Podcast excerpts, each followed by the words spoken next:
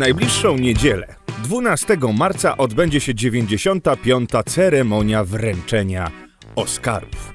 Do kogo według nas powędrują najważniejsze statuetki? Konrad Korkosiński, i Piotr Maszorek. a to jest ten podcast filmowy. Kochani, wreszcie dotarliśmy do tegorocznych Oscarów, ale co naprawdę chcę powiedzieć, to my tutaj nagrywając ten odcinek mamy prawdziwą ucztę, ponieważ właśnie się rozpieściliśmy e, kółeczkiem gorącego kakałka. No, nawet bym powiedział, że gorącej czekolady. Tak. I w pewnym momencie przerwiemy ten odcinek, ponieważ burgerki nam przyjadą. Tak, dziś mamy taki, taki dzień przyjemności. Ale jeszcze zanim przejdziemy do, do creme de la creme naszego odcinka, czyli do nominacji, porozmawiamy sobie Myślałem, o że pewnych... powiesz, że do burgerów. O. Ale nie, nie, nie przejmujcie się, nie będziemy ich jedli na antenie, nie będziecie słyszeli tego, słyszeli tego jak się nazywa ten taki...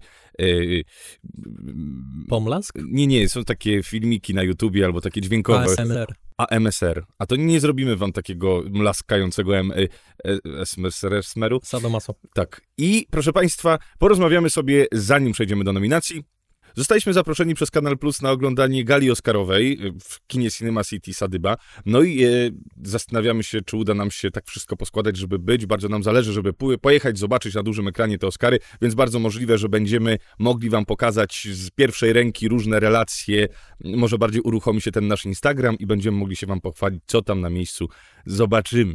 Także, no, Damy wam jeszcze znać, ale jeszcze zanim przejdziemy do naszego klubu programowego, to musimy rozwiązać pewne zagadnienie, które pojawiło się w zeszłym tygodniu, czyli konkurs. Jeżeli ktoś miałby zrealizować film o waszym życiu i potrzebowalibyście do tego scenarzysty, to kogo byście wybrali? No i słuchajcie, mamy. Mamy zwycięzców. Na początku mówiliśmy, że to będą dwie osoby, które dostaną książkę Blake'a Snydera Dziękuję.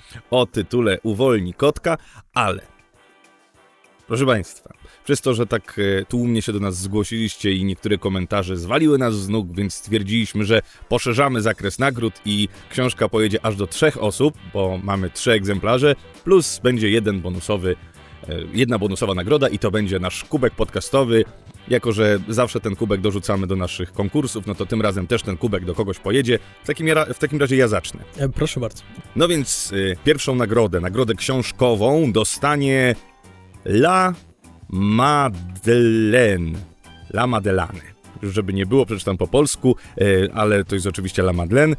A komentarz brzmi. Se czasem tak myślę, żebym pospała godzinkę dłużej od was, a potem zasiadła do pracy przed komputerem, ale w blokach jak to w blokach. Nie ma ch... we wsi. Trzeba to opisać. Marek Koterski zna się na tej robocie najlepiej. To powiem, wam jeszcze dla jasności. 8 lat podstawówki i 4 liceum, potem 5 bite studiów, dyplom z wyróżnieniem i 6 lat pracy nad doktoratem zakończone obroną i tytułem doktora nauk humanistycznych w dziedzinie filozofii. I co? Siedzę teraz na bezrobociu. Jakby mi ktoś dał w mordę. Ja Aż się boimy, baliśmy się nie przyznać tutaj nagrody, żeby nie doprowadzić do jakiejś tragedii, ale w ogóle tak na marginesie chciałem zaznaczyć, że wystarczy ogłosić konkurs, e, w którym nagrodą jest książka o pisaniu, żeby zwycięskie odpowiedzi to były pięknie napisane rzeczy. Naprawdę już dawno nie czytałem tak cudownych komentarzy na Facebooku czy na Instagramie, tak ładnie, kwieciście, soczyście napisanych i bardzo wielkie wrażenie na mnie wiele z tych komentarzy zrobiło. Czyli tak, zdecydowanie wielkie gratulacje i naszym kolejnym laureatem będzie Dominik Wastowski, który napisał tak. Hayao Miyazaki. Pokrętność moich myśli. Wykrzaczona aparycja. Mieszanka wewnętrznych przekonań i wierzeń zaczerpnięta już sam nie wiem skąd. Wszystko, mam nadzieję, podszyte jednak przyjaznym nastawieniem i przesłaniem. Myślę, że właśnie animacja wyreżyserowana przez Miyazakiego ze wspaniałym wysr... wybuchem wyobraźni, niczym opróżniające się wnętrzności Boga bez twarzy z pożartych przedmiotów i postaci, to będzie najdoskonalsza forma, żeby mnie wziąć i ze mnie film zrobić. PS. Przyprowadziłem kolegę do obserwowania na Instagramie, bo sam nie mam. PPS. Kolegi pies nazywa się Gimli. To prawie jak Ghibli. Według mnie Gimli brzmi lepiej. Gratulacje Dominik, książka wędruje do ciebie. Super. W takim razie y, kolejna książka dla kolejnej osoby i to jest komentarz na Instagramie. E, Wędruje do niki.krds. A komentarz brzmi: Moje życie nie jest bardzo długie, ale gdybym miała wybrać autora scenariusza mojego życia, byłaby to Sofia Coppola. poza tym, że uwielbiam jej tempo i sposób opowiadania historii, to wydaje mi się, że zrozumiałaby to, co dzieje się w głowie osoby w moim wieku. Jestem raczej samotniczką, nie mam najlepszych relacji z rodzicami albo rówieśnikami i czuję się trochę niezrozumiana. Myślę, że jakbym dała jej do napisania scenariusz właśnie na temat młodej osoby, która tak naprawdę szuka kogoś, kto ją zrozumie, nie rozczarowałaby mnie. E, mam taką, takie ważne przesłanie do właśnie tej uczestniczki naszego konkursu. E, słuchaj, jak tylko dostaniesz tą książkę, przeczytaj ją i napisz sama ten scenariusz. Serio. Naprawdę to bardzo, bardzo pomoże i trzymaj się tam i, i, i fajnie, że, że, że nas słuchasz i wierz mi, że bardzo się cieszymy, że możemy cię nagrodzić w tym konkursie. Ale to nie koniec, dlatego że jeszcze nasz podcastowy kubek powędruje do jednej osoby. Piotr wytypował zwycięzca, zwycięzcą bądź zwyciężczynią jest... Jest Lidia Domańska i tutaj nie mogłem się powstrzymać, ponieważ mnie rozłożył na łopatki ten komentarz. Będę mało oryginalna, bo uważam się za dość nudną osobę z umiarkowanie ciekawym życiem, w którym były momenty. Na stołku scenarzysty posadziłabym Quentina Tarantino, ponieważ jego scenariusze oryginalne zazwyczaj są genialne i nagradzane, a nawet banalne historie i przegadane sceny zamienia w złoto. A jeśli miałabym wybrać scenariusz Quentina Tarantino, do którego chciałabym, aby, podobnie, aby podobne było moje życie, to scenariusz adaptowany do Jackie Brown. Dlaczego?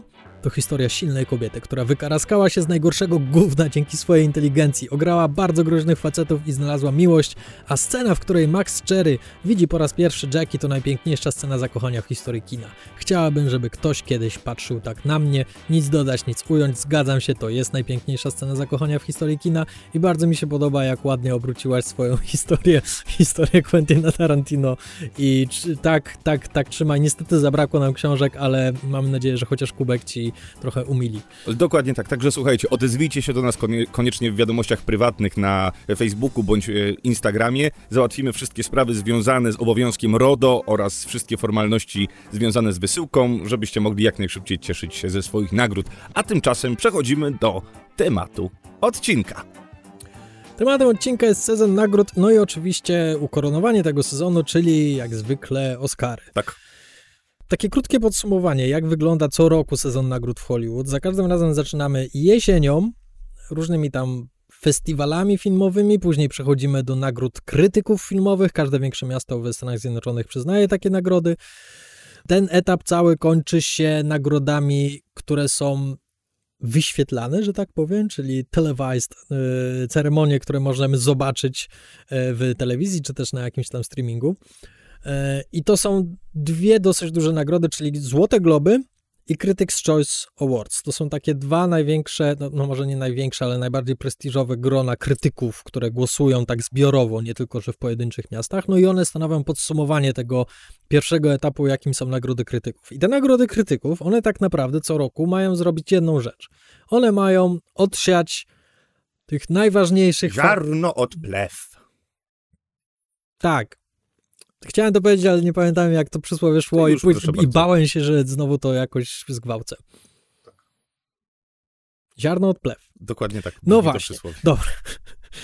No więc dokładnie o to chodzi, ponieważ wiadomo, filmów jest od hu, hu, hu, hu i jeszcze więcej, no a tymczasem trzeba to jakoś zawęzić i wytypować tych podejrzanych. No i później faktycznie to, co krytycy wskażą swoimi paluszkami, no to to już do końca sezonu pozostaje ale nie znaczy to, że te filmy, które nagrodzą krytycy, to będą filmy nagradzane na późniejszych ceremoniach, ponieważ późniejsze ceremonie to są nagrody przyznawane przez przemysł hollywoodzki, przez przemysł filmowy, czyli przez ludzi, którzy po prostu filmy robią, a nie o nich piszą. I dlatego te typy mogą się nie pokrywać. No i właśnie drugim etapem to są nagrody gildii, każdy fach filmowy ma swój taki związek zawodowy tak w Hollywood. Jest. Aktorzy, producenci, reżyserzy, scenografowie, operatorzy. Tak. I to już jest lepszy wyznacznik, ponieważ to są ludzie, którzy także będą głosowali na Oscara i to już może być lepszym takim wyznacznikiem, w którą stronę ten wyścig się obróci. I bardzo często właśnie na tym etapie następują twisty i zwroty, że coś, co do tej pory było bardzo nagradzane, to raczej tam już, wiesz, przechodziło bez echa i nagle się okazało, że o, taka koda, to jednak jest świetny film. Koda to jest film, którego w życiu krytycy by nie nagrodzili, ponieważ wiadomo, mają swój gust i proszę, przecież to jest jakieś helmarkowe ścierwo.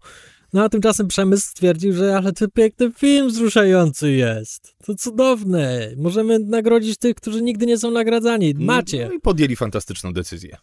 Też się zgadzam. Cały czas obstawiam przy tym filmie.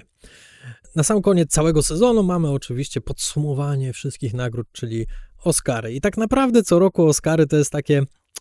No już niestety stało się to takim odbębnieniem formalności. Już wiemy, w którą stronę to pójdzie, chociaż oczywiście gdzieś tam jakaś niepewność może być zachowana. Ale też Oscary mają swoje za uszami i poza tym, no, jak, jak to zrobić producencko, jak to zrobić, żeby te Oscary były ciekawe, żeby ludzie przychodzili, siadali, oglądali, żeby cały czas fascynowali się tym na całym świecie. Bo jak się okazuje, no, wyniki oglądalności Oscarów z roku na rok maleją.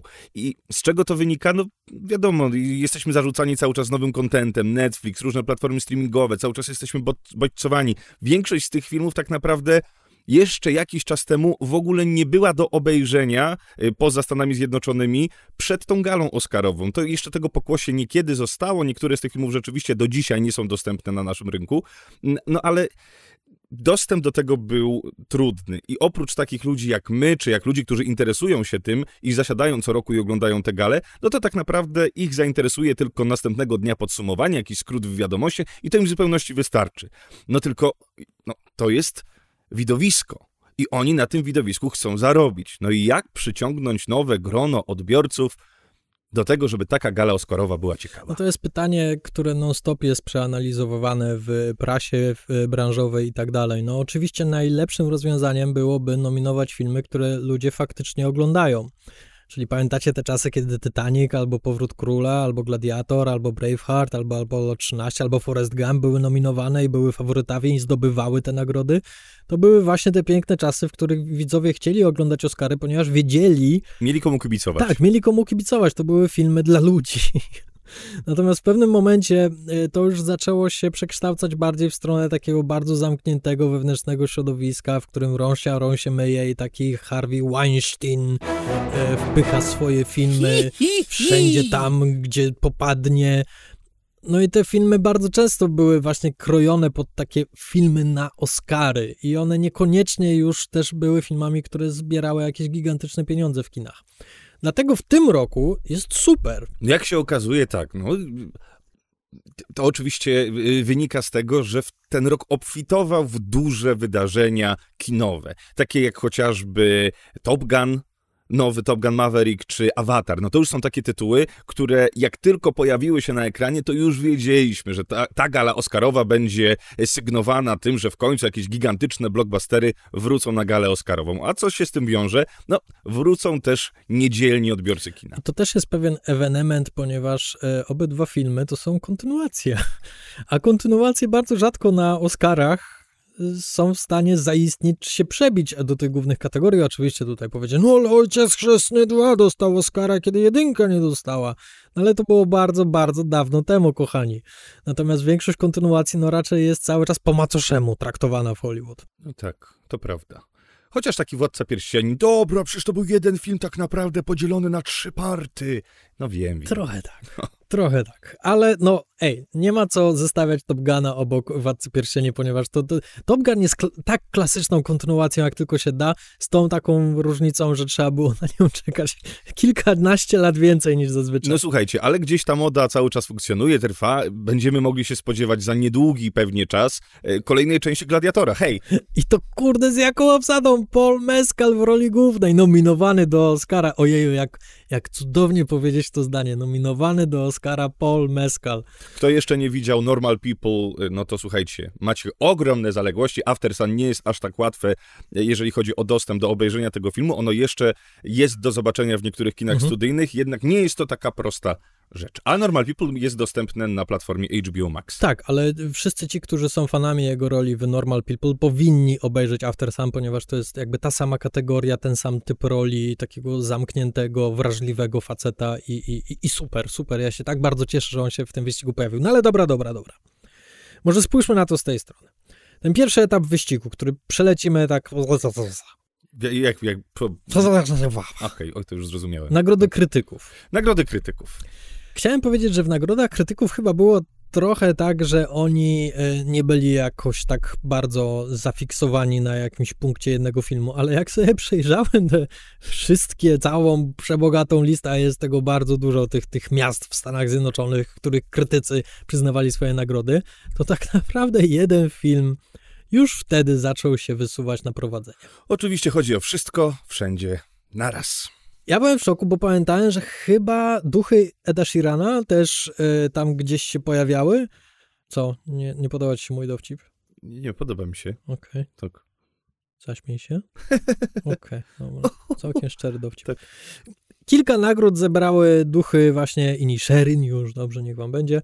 Mm, ale wszystko wszędzie naraz, no jednak zmiotło całą konkurencję. Co ciekawe, dwa najważniejsze miasta w Ameryce, czyli Los Angeles i Nowy Jork, nagrodziły film Tar. To też warto zaznaczyć, ponieważ Tar zebrał bardzo ładną pulę nominacji do Oscara w bardzo fajnych kategoriach. No ale tak, już na samym początku Danielsi i wszystko wszędzie naraz okazało się, że hej, ludzie, to jest po prostu świetne. I to jest coś, co rozsadza mi mózg, szczerze mówiąc, jak o tym pomyślę, ponieważ kiedy w kwietniu oglądałem wszystko wszędzie naraz, zakochałem się w tym filmie po uszy. W życiu bym nie powiedział, że ten film tak daleko zajdzie w sezonie nagród. Tak samo Danielsi w kategorii e, reżyserskiej. Te, te też no zebrali... tutaj absolutnie nie tak. było podbicia. Jeszcze delikatna, e, delikatnie tutaj wysuwa się na drugie miejsce e, Todd Field za Tar, ale tak to raczej to są pojedyncze nagrody dla reszty reżyserów. Tak.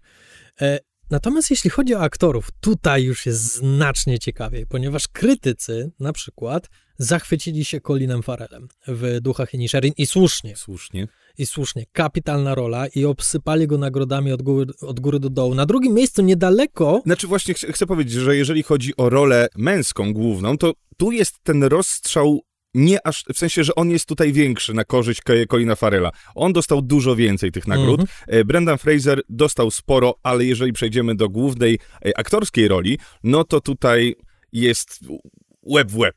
Michelle je za wszystko wszędzie naraz i Kate Blanchett tak. za tar idą e, porówno. Porów, równiutko. Od samego początku tego sezonu i tak naprawdę cały czas ta sytuacja jest. I, I, do tego sobie przejdziemy, jak będziemy omawiali nominacje. Tak, ale co się dzieje w drugoplanowym męski, męskiej roli? Tu jest absolutna dominacja e, Kiehujkana i to jest, e, słuchajcie, wszystko wszędzie naraz. Absolutnie wszystko, co było. No może tam ze cztery miasta mu nie dały. Jest coś takiego, że Oscary bardzo lubią narracje i historie, które są tworzone dookoła jakichś tam kandydatów. No i bardzo popularną narracją jest wielki powrót zapomnianego aktora. I niektórzy twierdzili, że taką wielką narracją tego roku to będzie Brendan Fraser. Nie, kochani. Taką narracją wielkiego powrotu jest Ki Hui Kwan za wszystko wszędzie naraz, ponieważ jego historia, to jak porzucił aktorstwo, ponieważ nie było dla niego ról, ponieważ nikt nie dawał mu ciekawych ról, wszyscy chcieli, żeby grał albo kolejną wersję Short Rounda z Indiana Jonesa, albo kolejną wersję Date z The Goonies i to go wkurzało, w związku z tym on został kaskaderem i gdzieś tam się szlajał na jakichś tam, wiesz, na, na planach w Hongkongu czy coś takiego. No i wrócił teraz po tych wszystkich latach i przede wszystkim ja uwielbiam patrzeć, jak on dostaje każdą jedną nagrodę, ponieważ widać, że to jest koleś, który autentycznie się cieszy z każdej jednej nagrody. Tak, dokładnie tak. Ale co jest ważne, ten rok Oscarów to jest rok debiutów ogromną większością, jest chyba 16 osób, które są nominowane pierwszy raz w kategoriach aktorskich, w, pierwszym, w pierwszych planach, to jest y, clean sweep, no wszyscy są nominowani, od, oprócz Kate Blanchett tam jest y, w damskim pierwszym planie, w męskim pierwszym planie, oprócz Colina Farela to też są wszyscy debiutanci, y, ale w, drugich, w drugoplanowych jest prawie dokładnie to samo, też są wszyscy mhm. nowicjuszami. Tak. Kolejna ciekawa kategoria krytyków to była najlepsza aktorka drugoplanowa, gdzie tak naprawdę na prowadzenie i wszyscy myśleli, że tak już zostanie do końca sezonu, wysunęła się Kerry Condon za duchy Eda Sheerana. Tak. I ja szczerze mówiąc zgadzam się z tym całkowicie. Uwielbiam tą rolę. Według mnie to jest najlepsza rola z całego tego zestawienia. E, zresztą jak chyba każda, każda rola w duchach e, Eda Sheerana to jest, to jest świetna rola. E, ale tutaj Angela Bassett, pomimo tego już się pojawiała i gdzie niegdzie coś tam zabrała jakąś nagrodę, to nikt nie traktował tego poważnie. No i słuchajcie. Nagrody krytyków zakończyły się Złotymi Globami. Tylko wiadomo, Złote Globy teraz śmierdzą.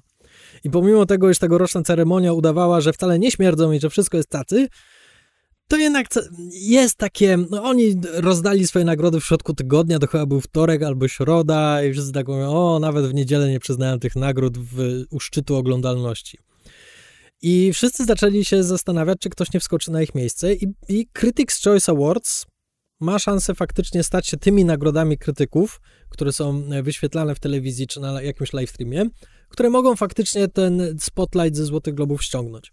No, ale Złote Globy jako pierwsze trochę namieszały w wyścigu, ponieważ nagrodziły Angelę Bassett za najlepszą aktorkę drugoplanową i nagle wszyscy zdali sobie sprawę, ojej, jakie to jest przyjemne uczucie nagradzać Angelę Bassett, zasłużoną, świetną aktorkę, która od bardzo, bardzo, bardzo dawna towarzyszy nam na ekranie kinowym. Jak fajnie jej wreszcie dać zasłużoną nagrodę, no zasłużoną to można tutaj dyskutować. Po drugie, jeśli chodzi o, o, e, aktora drugoplanowego, to Złote Globy się nie wykruszyły. Kihui Kwan oczywiście zgarniał wszystko.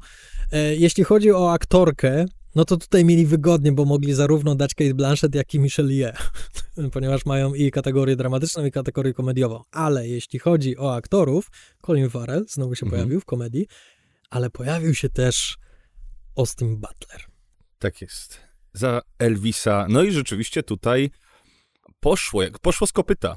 Dlaczego jest tak ważne, żeby oglądać przemówienia e, zwycięzców? Ponieważ takie dobre przemówienie potrafi zmienić cały wyścig. Jak Olivia Colman zaskakująco zdobyła Złotego Globa za faworytę i wyszła i dała najlepsze przemówienie, jedno z najlepszych przemówień ever e, przy jakiejkolwiek nagrodzie, to później dostała Oscara i sprzątnęła sprzed nosa tego Oscara Glenn Close i Lady Gadze, które wtedy zbierały wszystkie dotychczasowe nagrody. Kto pijany wszedł? To było rok temu czy dwa lata temu, już nie pamiętam. E, męska rola. E, Christian Bale? Christian Bale, tak. tak za, tak. Za, za ten... E, to o prezydencie. Tak, tak, tak. tak. O Dicku Cheney chyba. Tak. Vice. Y, za Vice, dokładnie. Usłyszeć, jak ktoś się cieszy, zobaczyć, jak ktoś się cieszy i usłyszeć, co ma do powiedzenia, to jest bardzo ważne, ponieważ no, pamiętajmy o tym, że ci, którzy głosują na te nagrody, także chcą się poczuć dobrze nagradzając jakąś nagrodę. Jeśli na przykład mamy jakiegoś takiego Mikeja Rurka, który odbierając każdą nagrodę zachowuje się jak pijany wujek, no to nie chcesz nagradzać takiej osoby. I nie nagrodzili Mikeja Rurka. Na sam, na sam koniec zmienili zdanie i nagrodzili Shona Pena. Czyli te przemówienia i te nagrody, to jak to się zachowuje jest bardzo ważne. I Austin Butler dał bardzo fajne przemówienie na Złotych Globach. Michelle Ye dała świetne przemówienie na Złotych Globach. Angela Bassett była fantastyczna. No tak, no ale niestety wszystko fajnie, fajnie, fajnie, ale Oscary też nie potrafią się obyć bez kontrowersji. I co roku te kontrowersje wracają, że Oscary są zbyt białe, e, że społeczność czarnoskóra jest w ogóle niedoceniana. W tym roku doszło do jeszcze większych e, wykluczeń, doszło do zerowych nominacji dla kobiet reżyserek. I tutaj rzeczywiście no, ta skala jest bardzo duża, jeżeli chodzi o, o brak nominacji kobiet, reżyserek w, w, w, te, w, tych głównych nagrodach. No i w tym roku dostało się po nosie taki film jak e, Kobieta Król, jak to, nie wiem, czy to po polsku jest spolszczone, Woman King po prostu. Mhm. E, I reżyserka filmu Woman King, czyli Gina Prince Bytewood, udzieliła e, The Hollywood Reporter wywiadu, jaką niesprawiedliwością jest to, że y, czarnoskóra, nie dość, że czarnoskóra, to jeszcze reżyserka, czyli ma podwójnie podgórkę i podwójnie jest w tej strefie wykluczenia możliwości dostępu do Oscarów i tłumaczy, dlaczego ma dosyć tłumaczenia się ludziom, którzy jej mówią, ale odpuść, dobra, tam już ty, daj spokój z tymi Oscarami. Tylko, że ona jasno mówi, to, to nie jest tylko to, że, że ja chcę y, y, być bohaterką mojej społeczności. To nie o to chodzi, ale Oscary to są nagrody, które dają przepustkę do pracy w kinie lepszej jakości. To są pieniądze, to jest, y, to jest inna, inna dystrybucja później, jeżeli chodzi, a inna dystrybucja, czyli szersza dystrybucja, to są większe zarobki, większe zyski, większe możliwości i tak naprawdę to jest większa wolność i, i, i możliwość decydowania o tym, jaki będzie mój kolejny film. I to tylko o to się rozchodzi, o, o ten brak docenienia i brak nawet możliwości postawienia ich, tym bardziej, że Oscary w tym roku jeżeli już mówimy o braku czarnoskórych e, twórców, no to nagle pojawiają się też osoby, które w ogóle nie były, e, nie było założenia, że takie osoby się pojawią. Mówię tutaj oczywiście o kontrowersji związanej z Andreą e, Riceborough za film... Tu Leslie. Za Dla film Tu Leslie. Dla Leslie, tak. Mm. No to jest bardzo niefortunne kombo, które się wydarzyło, ale dobrze, że przeszedłeś, ponieważ historia Andrzej Andrzej Andrei Riceborough i jej nominacji zaskakującej, to jest fascynująca historia dla mnie. Ja byłem tak... Byłem w takim szoku, kiedy oglądałem nominację, kiedy e, wyczytano jej nazwisko, Ponieważ sytuacja z filmem dla Leslie wygląda następująco. Ten film premierował się w marcu zeszłego roku. I pomimo tego, iż krytycy bardzo wysoko ocenili ten film i wszyscy chwalili rolę Andrei Riceborough, hamburgery przyjechały. Hamburgery przyjechały, przerwa. Przerwa. Nie nagrywam.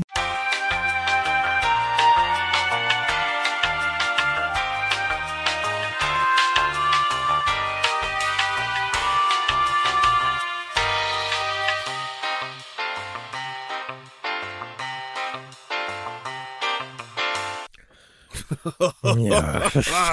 Ale jestem obiedzony. Zamówiliśmy sobie, słuchajcie, y, nad sponsor, ale zamówiliśmy, z, akurat nagrywamy y, ten odcinek w mieście Łodzi i zamówiliśmy sobie z gastromachiny przepyszne burgery. Maszor zamówił, ja zjadłem właśnie, e, reklamuję, bo jestem zachwycony. Burger kimchi, ale pyszne, do tego frytki z posypką z Cheetosów. W kolorze swetra Maszora y, były te frytki. Ja jeszcze popijam szejka, który mi został. Mówiłem, że dzisiaj rozpusta. Dzisiaj się rozpieszczamy tą kompletnie. No dobra, Oscary, wróćmy do Oscarów. To był bardzo przyjemny przerywnik. Andrea Riceborough. Na tym skończyliśmy. Tak jest. Film, którego y, jak się okazuje nikt nie zobaczył. Nikt nie widział, ponieważ ten film nie dość, że kosztował grosze, to jeszcze grosze zarobił w kinach w tej limitowanej dystrybucji, jak się pojawił. No i wydawałoby się, że to, to koniec historii tego filmu. Jak większość tego typu małych, skromnych, niezależnych produkcji, e, które znikają każdego roku z Wokandy, a wydawałoby się, że są forever! że są stworzone pod właśnie pod scenę Oscarową. Wydawałoby się, że to będzie kolejna taka historia. Aż tu nagle. No jak się okazało, zrobiło się o tym filmie dosyć głośno. I słuchajcie, no mnie się to kojarzy z taką praktyką Harvey'ego Weinst- Weinsteina. Y, Bo na czym polega fenomen y, aktorki Andrei Riceborough? Otóż okazuje się, są pewne zasady bycia nominowanym na Oscarach. Y, Raczej te zasady, jak możemy się dowiedzieć, one nie są jakoś ultra przestrzegane, nie są to jakieś też bardzo rygorystyczne zasady. Raczej polega to na tym, żeby, żeby grać uczciwie. Nik, nikogo z tego nie rozliczają tak naprawdę, chyba że już dojdzie do jakiejś dużej kontrowersji. No i w tym przypadku właśnie do takiej kontrowersji doszło, ponieważ Andre, Andrea Riceborough nie była nigdzie absolutnie w żadnym, e, na żadnym konwencie, na żadnej nie, było, nie, nie była nawet nominowana do żadnej malutkiej nagrody, więc nie przeszła tego procesu e, do, do, do głównych nominacji, więc jej nominacja była dużym zaskoczeniem. Jak się okazało, twórcy e, tego filmu, czyli Michael Morris jego żona, telewizyjna aktorka Mary McCormack, zorganiz- organizowali e, różne pokazy tego filmu. Takie prywatne Prywatne, pokazy. w swoim takie, domu, Tak. zapraszamy, z, organizujemy catering i w ogóle robimy fajną, fajną imprezę z oglądaniem tego filmu. Ale mało tego, rozsyłali też maile do różnych dużych twórców, dużych nazwisk w Hollywood, żeby oni też organizowali takie pokazy. Więc na przykład w domu Jennifer Aniston, czy e, w domu Kate Winslet, czy gdzieś były organizowane też takie pokazy, na które też byli zapraszani różni ludzie. No i w ogóle była, e, nagle zrobiła się taka, tak viralowo się zrobiło, że inne aktorki tak poczuły, a trzeba wspierać młodą, już nie taką młodą, ale e, e, koleżankę po fachu, Andreę Riceborough, ponieważ to jest fantastyczna rola i ona zasługuje, żeby zostać wyróżniona, więc zrobili taką viralową promocję na swoich social mediach, w różnych wywiadach, na, na, nawet na różnych e, od, nagrodach, e, na, na, na, przed mikrofonem Kate Blanchett chyba ją Mhm. reklamowała. Na Critics' Choice Awards. Na Critics' Choice Awards. Tak, odbierając swoją nagrodę, poświęciła część swojego cennego czasu przy odbieraniu nagrody, żeby krzyknąć Andrea Riceborough jest wybitna. No więc jak jej nie nominować do Oscara, skoro wszystkie baby i też współnominowane do tej kategorii, y, prawdopodobnie, które zostaną nominowane do tej kategorii, krzyczą, że trzeba nominować Andrę.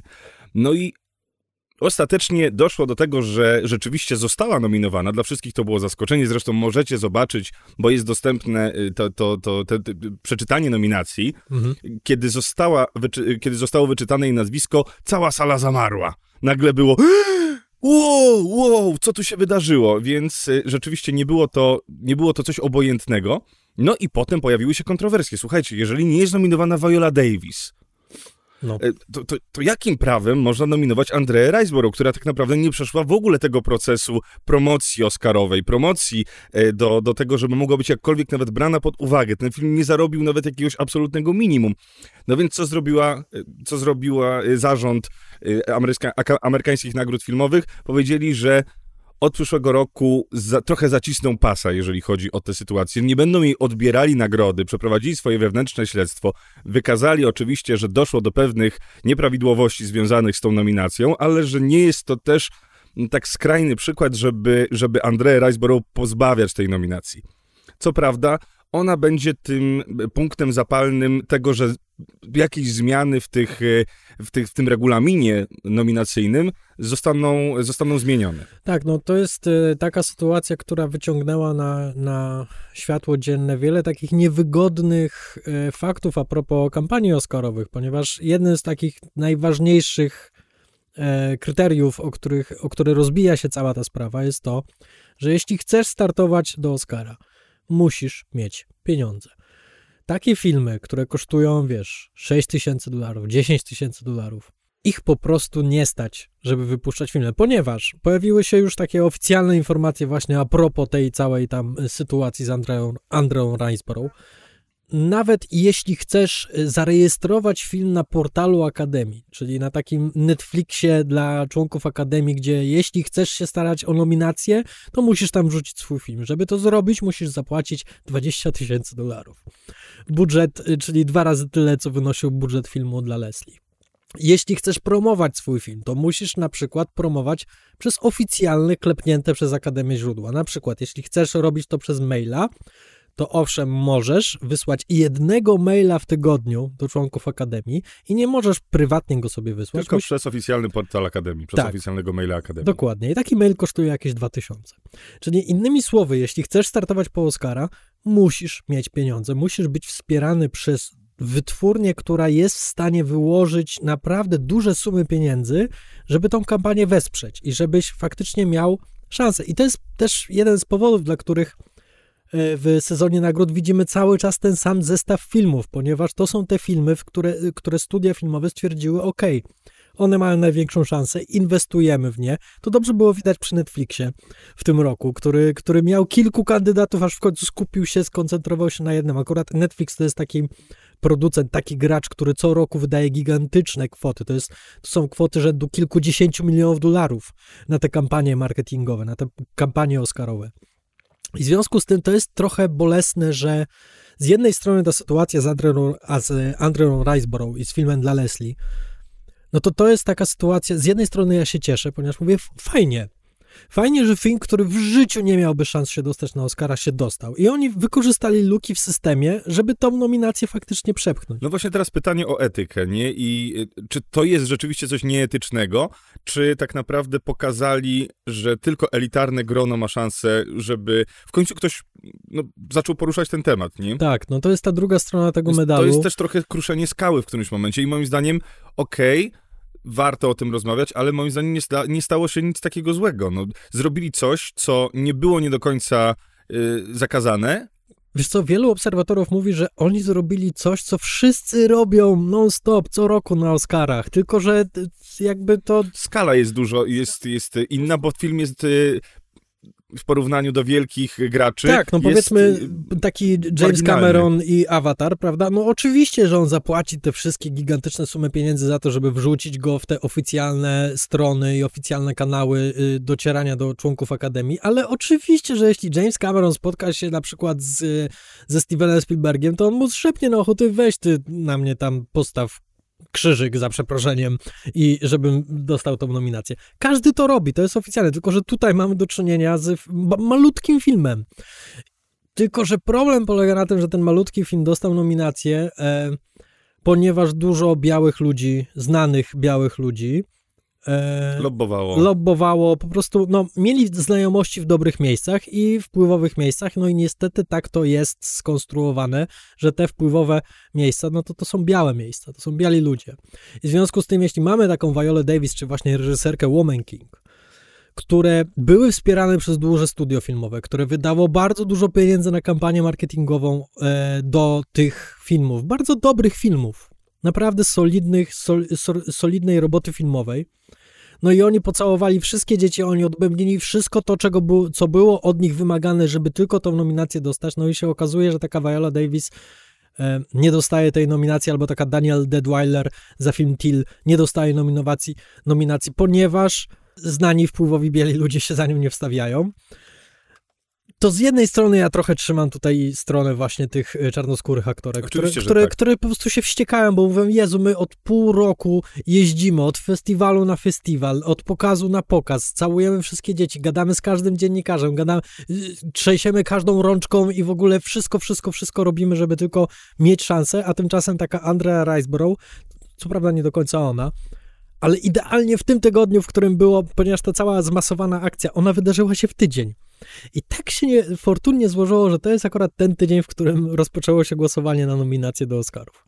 I perfekcyjnie się sprawdziło. No ale ja na miejscu takiej Daniel Deadweiler faktycznie byłbym wściekły i faktycznie biłbym w bębny oburzenia i bym mówił, że ej, no ludzie, no to jest trochę nie fair.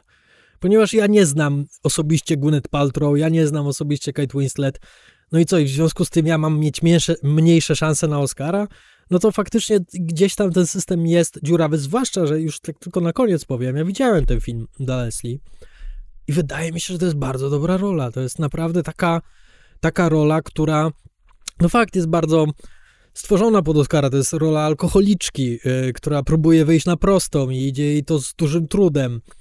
No ale jest zagrana naprawdę fantastycznie przez nią. I jakby nie, nie masz tam żadnej fałszywej nuty i e, ktoś powiedział, że to jest taka rola, w której e, jak stoi plecami do kamery, ty widzisz, co się dzieje i widzisz, co ona przeżywa. I to, to, to jest to. I, czyli to jest inna sprawa, że w tej całej kontrowersji ta rola została najbardziej chyba skrzywdzona, ponieważ o ile wszyscy chwalą cały czas Viola Davis i De Daniel Deadweiler, tak e, na Andrea Riseborough spadły baty trochę niesłusznie, ponieważ ona akurat najmniej się udzielała w tym wszystkim i to bardziej właśnie reżyser i jego żona i tam cała ta klitka. No tak, no mam nadzieję, że coś się zmieni, że to chociaż będzie miało taki efekt, że w przyszłym roku faktycznie trochę bardziej się temu przyjrzą i być może nawet, no nie wiem, umożliwią takim mniejszym filmom jakiś lepszy start do tych, do tych Oscarów, że nie, to nie pójdzie w tę stronę, że jeszcze bardziej zastawią się barykadami i nie, tylko ci, którzy mają 20-30 milionów dolarów na kampanie marketingowe, tylko oni będą mieli szansę na nominację. No na pewno coś się wydarzyło i jakieś zmiany będą potrzebne. Będzie potrzeba jakiejś regulacji, Zobaczymy, jakie decyzje podejmie, podejmą, e, podejmą ostatecznie włodarze. E, a tymczasem w tym roku pierwszy raz była transmitowana gala Gildii Aktorów. Znaczy nie pierwszy raz, ponieważ ta gala już w takim była... ogólnym, na, na, takim ogólnym dostępie na YouTubie. Tak, nie, nie w telewizji, tak. nie na płatnym kanale, który trzeba było wykupywać. I to była trochę rewolucja, ponieważ my już od bardzo dawna trąbimy, że jeju, dlaczego te Oscary nie dogadają się z Netflixem albo właśnie z YouTubem i dlaczego nie zrobią całej ceremonii online, na jakimś streamingu, gdzie wszyscy będą mieli do tego dostęp. Ja ci powiem tak, ja oglądałem e, Gildię Aktorów. Ona była dostępna u nas na YouTubie na kanale Netflixa. O godzinie drugiej w nocy moż, mogłeś sobie wejść na kanał Netflixa na YouTubie i obejrzeć e, ceremonię Gildii Aktorów. Nie było żadnych reklam, oczywiście. Zamiast reklam w przerwach puszczali najlepsze fragmenty z wcześniejszych ceremonii mhm. e, Gildii Aktorów, czyli jakieś fajne przemówienia, jakieś zabawne sytuacje, tego typu rzeczy wszyscy mogli bez problemu bluźnić na tej scenie, co Michelle bardzo fajnie wykorzystała, ponieważ w swoim przemówieniu powiedziała wprost shit, fuck, co było cudowne. I zgadnij, ile trwała cała gala. Półtorej godziny. No, to trochę przesadziłeś, ale dwie godziny 15 minut. No to rzeczywiście fajnie. Tak sprawnej gali już dawno nie widziałem. No tyle trwają reklamy na Oscara. Tak. Oscary, które tam dobijają czasami do 4 godzin, mogłyby się uczyć. Serio będzie to dla mnie tak bolesne teraz obejrzeć Oscary, przerywane co chwila e, reklamami, czy też studiem Oscarowym. I wydaje mi się, że wszyscy już powinni to robić od przyszłego roku, ponieważ to po pierwsze jest wtedy dostępne dla wszystkich na całym świecie. Po drugie, ci, którzy chcą oglądać, chcą oglądać i mają do tego łatwy dostęp. A po trzecie, nie muszą się już patrzeć na tych reklamodawców, na cenzurę, na to, że ojej, nie możemy powiedzieć tego, nie możemy powiedzieć tamtego. Można naprawdę zaszaleć. I jakoś było to opowiedziane w tempie. Było to fajne, rozrywkowe i kurczę, Naprawdę to będzie bolesne wrócić teraz do klasycznej ceremonii Oscarowej. Ale Gildia Aktorów namieszała, skoro już jesteśmy przy tym, ponieważ tak, skończyliśmy nagrody krytyków. Nagrody krytyków ogólnie powędrowały wszędzie. To znaczy, że Złote Globy nagrodziły Fablemanów i Duchy Eda Sheerana. E, wszystko Wszędzie Naraz nie dostało tej nagrody, ale Critics' Choice Awards nagrodziło właśnie Wszystko Wszędzie Naraz. Tak, tak dokładnie. Bre Brendana Fraser, Frasera za e, Wieloryba, e, Michelle Ye za Wszystko Wszędzie Naraz i Kehui Kwana za Wszystko Wszędzie Naraz. Tak, czyli Ogólnie po tym etapie nagród krytyków jeszcze wszystko było w powietrzu i nie wiadomo, no może pójdą w stronę faktycznie wszystko wszędzie na raz, a może duchy y, Eda Sheerana się tutaj odezwą, albo może Fablemanowie faktycznie troszkę nabiorą tempa, zwłaszcza, że Steven Spielberg dostał Złotego Globa za najlepszą reżyserię. No i nagle gildie producentów zaczęły przyznawać najpierw swoje nominacje i później swoje nagrody. E, oczywiście też e, członkowie Akademii ogłosili swoje nominacje i no i co się okazało? Hmm. Okazało się, że ten film o Azjatach walczących z dildosami w tyłku i o Rakakunim i o e, dwóch gadających głazach i o wielkim bajglu nicości Okazało się, że zebrał najwięcej nominacji spośród wszystkich filmów. 11 nominacji. Jak ja się dowiedziałem, że e, wszystko wszędzie naraz zdobyło 11 nominacji do Oscara, to od razu zapaliła mi się czerwona lampka, ponieważ ogólnie jest coś takiego, że nie chcesz mieć najwięcej nominacji ze wszystkich filmów. Tych dobrze jest mieć tak 9, 8, gdzieś, ta, gdzieś tam być w środku tego zestawienia, ponieważ jeśli masz najwięcej nominacji, tak jak na przykład Irlandczyk kilka lat temu, który wyszedł z niczym, a też miał chyba 11 czy nawet więcej tych nominacji.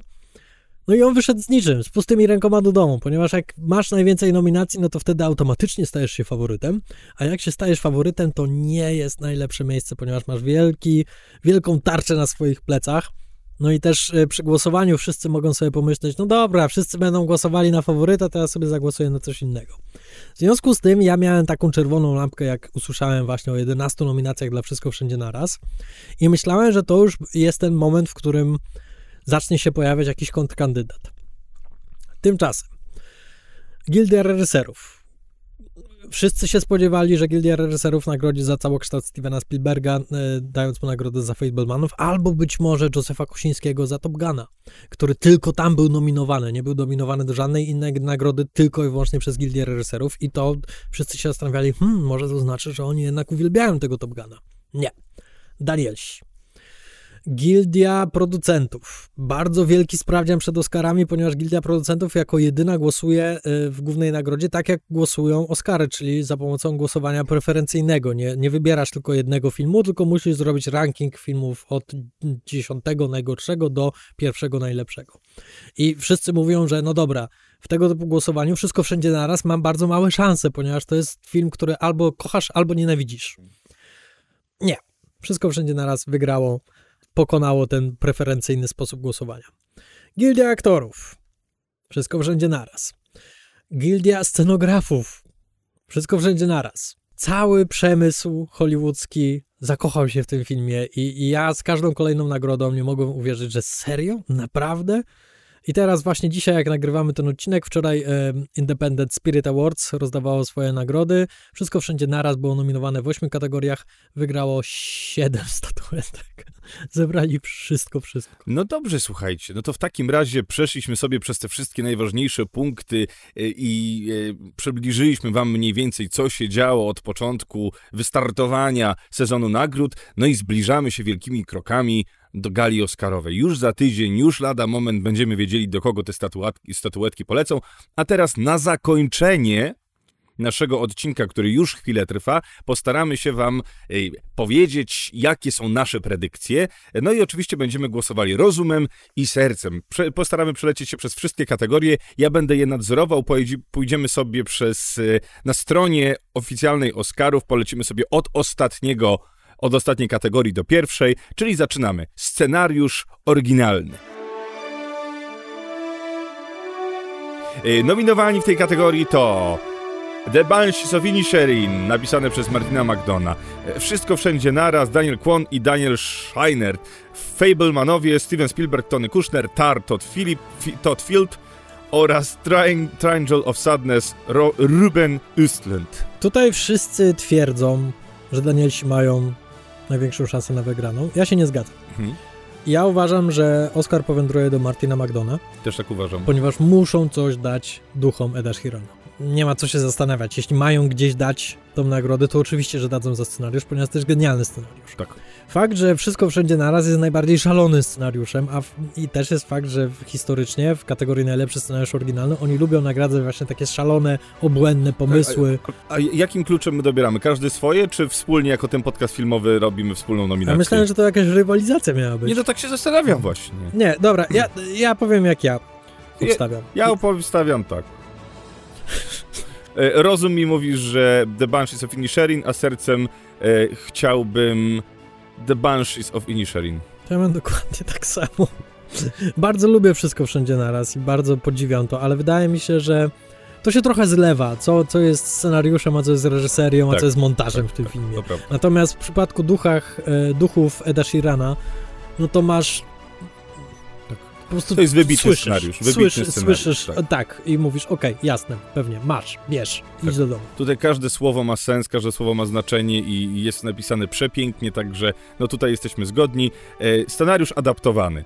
E, nominowani w tej kategorii to e, Na zachodzie bez zmian Edward Berger, Leslie Patterson and Ian Stokell, Glass Onion, druga część Ryan Johnson, Living, Kazuo Ishiguro, Top Gun Maverick, e, tutaj całkiem sporo ludzi i Women Talking, napisane przez Sarę Pauli. Albo jak powiedział Mark Wahlberg, women are talking. Ja od razu powiem, No powiedz od razu. Mnie się wydaje, że tutaj y, scenariusz.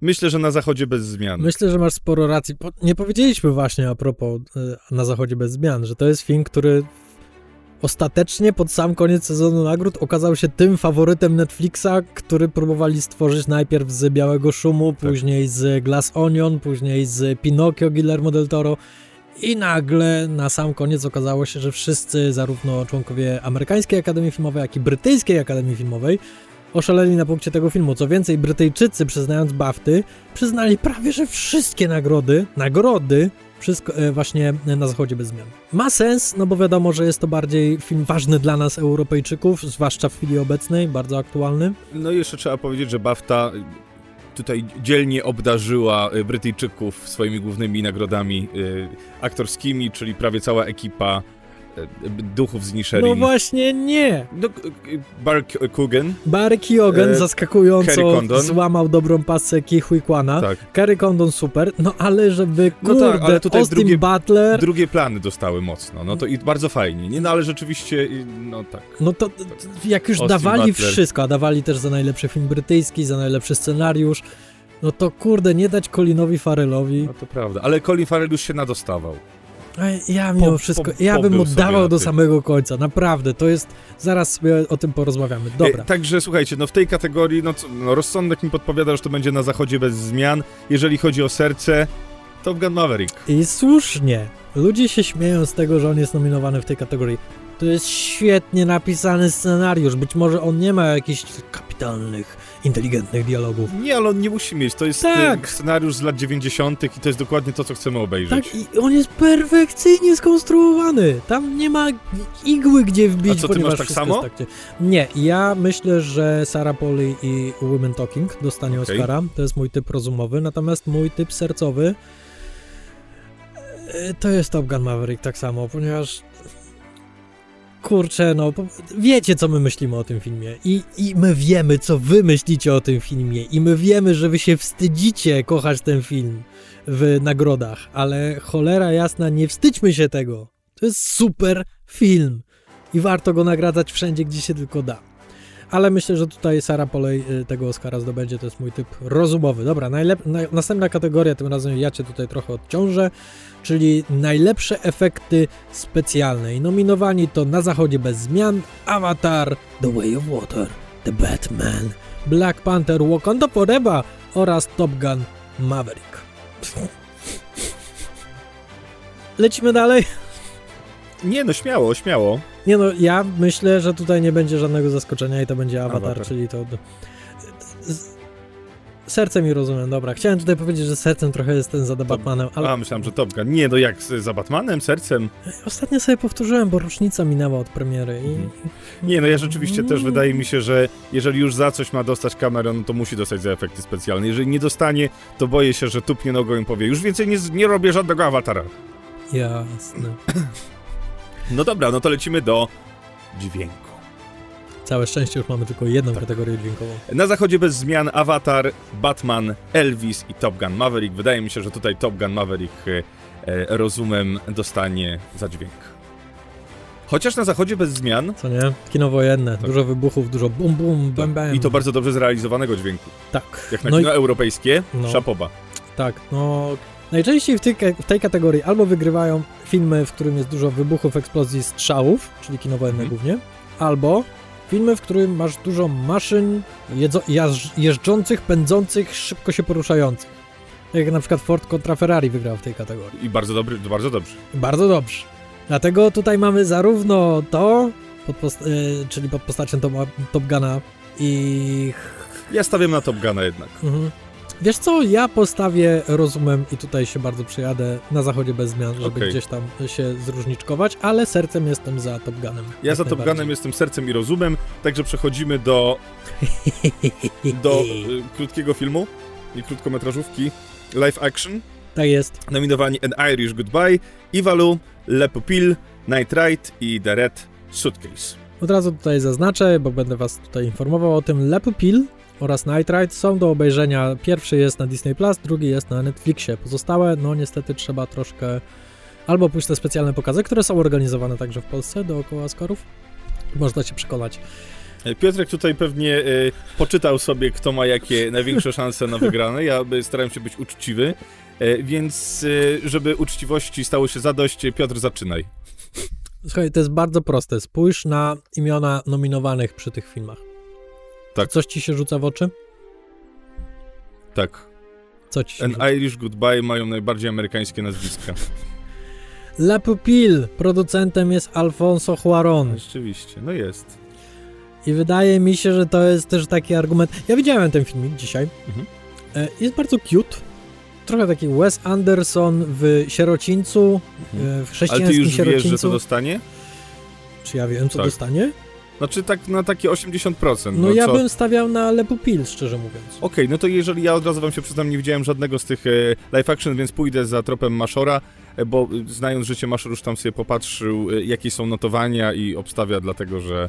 Tak, e, Że- że Irish Goodbye jest typowane, ponieważ Irlandczycy są siłą na tegorocznych Okej, Oscarach. La Pupil w takim razie. I przejdźmy sobie Ja dalej. też.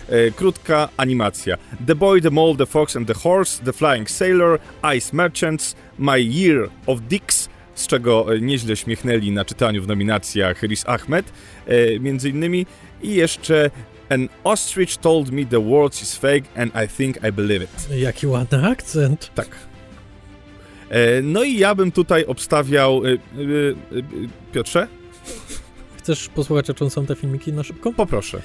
The Boy, The Mole, The Fox and The Horse to jest dokładnie to, co mówi ci tytuł. Mamy, Okej, chłopca, który, ci. mamy chłopca, który gdzieś tam próbuje wrócić do domu, jest zima, jest szczere pole, no i spotyka na swojej drodze te wszystkie zwierzątka, które tu są wymienione, które z, z nim rozmawiają.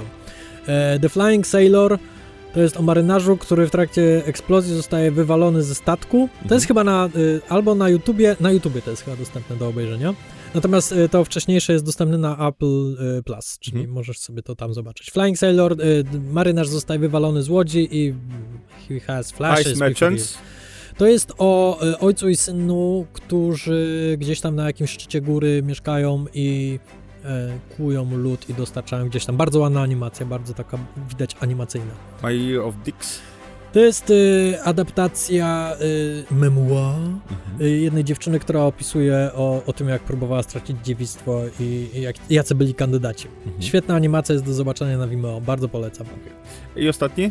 E, to jest animacja poklatkowa, gliniane ludziki i jest gliniany ludzik, który pracuje w biurze i, nagle on się dowiaduje, że on jest w samym środku animacji poklatkowej, która jest kręcona. Dobrze brzmi Takie bardzo. bardzo meta. E, I na kogo głosujemy? Faworytem jest The Boy, The Mole, The Fox and The Horse. Okej. Ale ja powiem tak, jak ten film dostanie Oscara, ja się wkurwię. Dlaczego się wkurwisz? Ja dzisiaj oglądałem tą y, krótkometrażówkę. Ona jest bardzo ładnie zanimowana, ona jest bardzo sympatyczna, tylko że co jedno zdanie dialogu w tym filmie, to masz takie Paulo Coelho dla dzieci. Okej, okej, czyli jak najbardziej metafora i wszystko. Jak najbardziej metafora mądrości życiowe, które Okej. po prostu ci wpychają łyżką do buzi. Ja nie mogłem wycz- Ja już żygałem tęczą pod koniec tego filmu i miałem dosyć. Czyli nie głosujesz na niego. I ja nie chcę na niego głosować, ja się wkurwię. Ja na niego głosuję. A ty? Najgorsze, to jest najgorsza sytuacja, ponieważ nie dość, że ten film dostanie Oscara, to ty jeszcze wygrasz. Tak. Ja zagłosuję, nie śmiej się, na My Year of Dicks. Okej, Y, dobrze. Polecam, na filmie od zobaczenia No zobaczę. fantastyczna, dowcipna, zabawna animacja, która jest świetnie, wykorzystuje medium animacji według mnie. No dobrze, production design. Mamy tutaj nominowanych na zachodzie bez zmian Avatar, The Way of Water, Babylon, Elvis i Fable Money. No i tutaj już sytuacja y, troszkę jest bardziej skomplikowana. Troszkę tak. Dlatego, że y, nie można tutaj na przykład wyrzucić takiego Babilonu z rozmyślań. Nie, ja myślę, że Babylon ma y, y, Duże spore szanse, szanse i zresztą on jest chyba faworytem nawet w tej kategorii, Tak ale mamy wydaje. też Elvisa, Mhm. a Elvis to jest film Baza Lermana, a jak film Baza Lermana jest nominowany, to bardzo często ludzie po prostu z automatu mu dają nagrody za właśnie scenografię i kostiumy, ponieważ one zawsze wyglądają rewelacyjnie i też nie należy tutaj strywializować na zachodzie bez zmian. Mhm. Jednak e, kino wojenne, pierwsza wojna światowa, okopy i tak dalej, to zawsze robi wrażenie. Ja głosuję na Babilon. Mm, Ja rozumiem, zagłosuję na Babylon, natomiast sercem zagłosuję na... Nie mam tutaj sercowego Okej. zupełnie. E, to sercowy i tak ma, ma nie- mniejsze znaczenie. E, no i słuchaj, no już w tym momencie pojawia się najlepszy film, Ale to Więc- w sumie bardzo łatwo jest. E, Więc y, mamy na zachodzie bez zmian Avatar, Banshees of Inisherin, Elvis, Wszystko Wszędzie Naraz, Fablemanowie, Tar, Top Gun Maverick, e, Triangle of Sadness i Women Talking. No, jeżeli chodzi o moje, mój sercowy wybór, no to mój, proszę Państwa, sercowy wybór idzie do Banshees of Inisherin, O! a jeżeli chodzi o rozsądek, no to wygrywa Wszystko Wszędzie Naraz. Ja y, rozsądkiem głosuję na wszystko wszędzie naraz i jeśli ktoś nie postawi na ten film, to nie jest głupi. Y, Po prostu, no w chwili obecnej wszystkie gildie nagrodziły ten film. To, to, to jest, bardzo rzadko się to zdarza. To, to musisz być ślepy, żeby myśleć, że coś, coś tu jeszcze jest w stanie to pokonać. Natomiast sercem, sercem idę do Top Guna. Okej. Ja bym się bardzo, jeśli jakiś film miałby zgarnąć tą nagrodę sprzed nosa Wszystko Wszędzie Naraz, ja byłbym przeszczęśliwy, gdyby to był Top Gun. Ponieważ to był bardzo fajny znak, sygnał wysłany do świata, że tak, lubimy takie Tak. kino. No ja głosuję na mój y, ulubiony film, a ja, jak już się znamy trochę, stawiam na aktorstwo na pierwszym miejscu i, i to, jak już są te Oscarowe filmy, no to na to zwracam największą uwagę i rzeczywiście największą przyjemnością, taką czysto aktorską było dla mnie Banshees of Inisherin. To jest, y, tak jak rozmawialiśmy, zaraz do tego sobie też przejdziemy pewnie w jakiejś krótkiej dyskusji, The Whale y, to jest film bardzo teatralny w stylu, y, w stylu ojca, w stylu matki, nie matki, tylko córki. Syna. Nie, bo jeszcze córka była taka teatralna dosyć. Tak? No. Córka nie była teatralna, córka rozgrywała się na greckim wybrzeżu. Tak, ale tak aktorsko mówię, że to taki bardzo, bardzo też... Dobra, nie Nieważne. W każdym razie y, y, wszystko wszędzie naraz. Przechodzimy do... Słuchaj, nie, ja tylko chciałem Tak. powiedzieć, bo ty powiedziałeś, że ty znasz mnie i wiesz, że ja zawsze patrzę na aktorstwo i tak dalej, dlatego wybieram duchy Eda Sheerana. Ty też mnie znasz i wiesz, że ja zawsze patrzę na piękne męskie ciała, dlatego za jedną scenę y, grania na plaży w samych jeansach, Scena, która była dokręcana późno, późno. bardzo super. Tak. super. E, już wiem dlaczego. Dobrze, w takim razie y, piosenka. Piosenka, muzyka, piosenka. E, zaczynamy od piosenki Applause z filmu Tell It Like a Woman. Hold My Hand, Top Gun Maverick. To jest oczywiście Lady Gaga. Wcześniej nie powiedziałem, ale to jest Diane Warren. E, Lift Me Up z Czarnej Pantery. Ryana, Rihanna, Ryan Coogler, wiadomo, to wszyscy wiemy. Natu Natu z filmu Rrr. Kerewani, to, to, to zaśpiewał. I This is This is Life z Wszystko Wszędzie Naraz. E, No, to chyba największa kontrowersja. Jak ogłaszali y, nominacje i jak tutaj w tej kategorii pojawiło się wszystko wszędzie naraz, to miałem takie, kurde, oni się zakochali w tym filmie po uszy, jeśli nominują nawet tą piosenkę. Ma najmniejsze szanse według mnie. E, Nie słyszałem tylko Applause, ponieważ e, ja nie znoszę Diane Warren. Ona się pojawia już od kilkunastu lat prawie na każdej ceremonii. To ja wam powiem, co to ja sobie zacznę. E, Proszę bardzo. Wydaje mi się, że dostanie Natu Natu. Y, To jest faworyt i faktycznie na tu na tu. y, Ja sobie przesłuchałem wszystkich tych piosenek i no, oni chcą mieć odrobinę rozrywki i frajdy na tych Oscarach, więc na tu, na tu. Mam pytanie, czy słuchałeś, czy obejrzałeś na YouTubie scenę? Nie, y, słuchałem. Obejrzyj na YouTubie scenę. Ta piosenka nie działa tak dobrze, jeśli nie widzisz, co tam się dzieje. To jest, to jest czyste Bollywood. Kocham. Kocham tą scenę. Y, W tym roku nie ma piosenek, piosenek. O, przepraszam. Ja rozumiem, obstawiam na tu, na tu, ale sercem jestem za Lady Gagą. Naprawdę? Całkowicie się obróciłem. I powiem ci, dlaczego obróciłem się o, o 180 stopni względem tej piosenki. Dzięki mojej mamie. Byłem u rodziców na obiadku niedzielnym i mój brat słuchał w pokoju tej piosenki. I moja mama szła do kuchni, usłyszała tę piosenkę, stanęła w drzwiach i mówi: O, Gaga! Usiadła na brzegu kanapy, na rogu kanapy, dosłownie. Nie to, że się rozsiadła na tej kanapie, usiadła na rogu, siedziała, bojała się w rytm, piła sobie w kolanko do rytmu i robiła.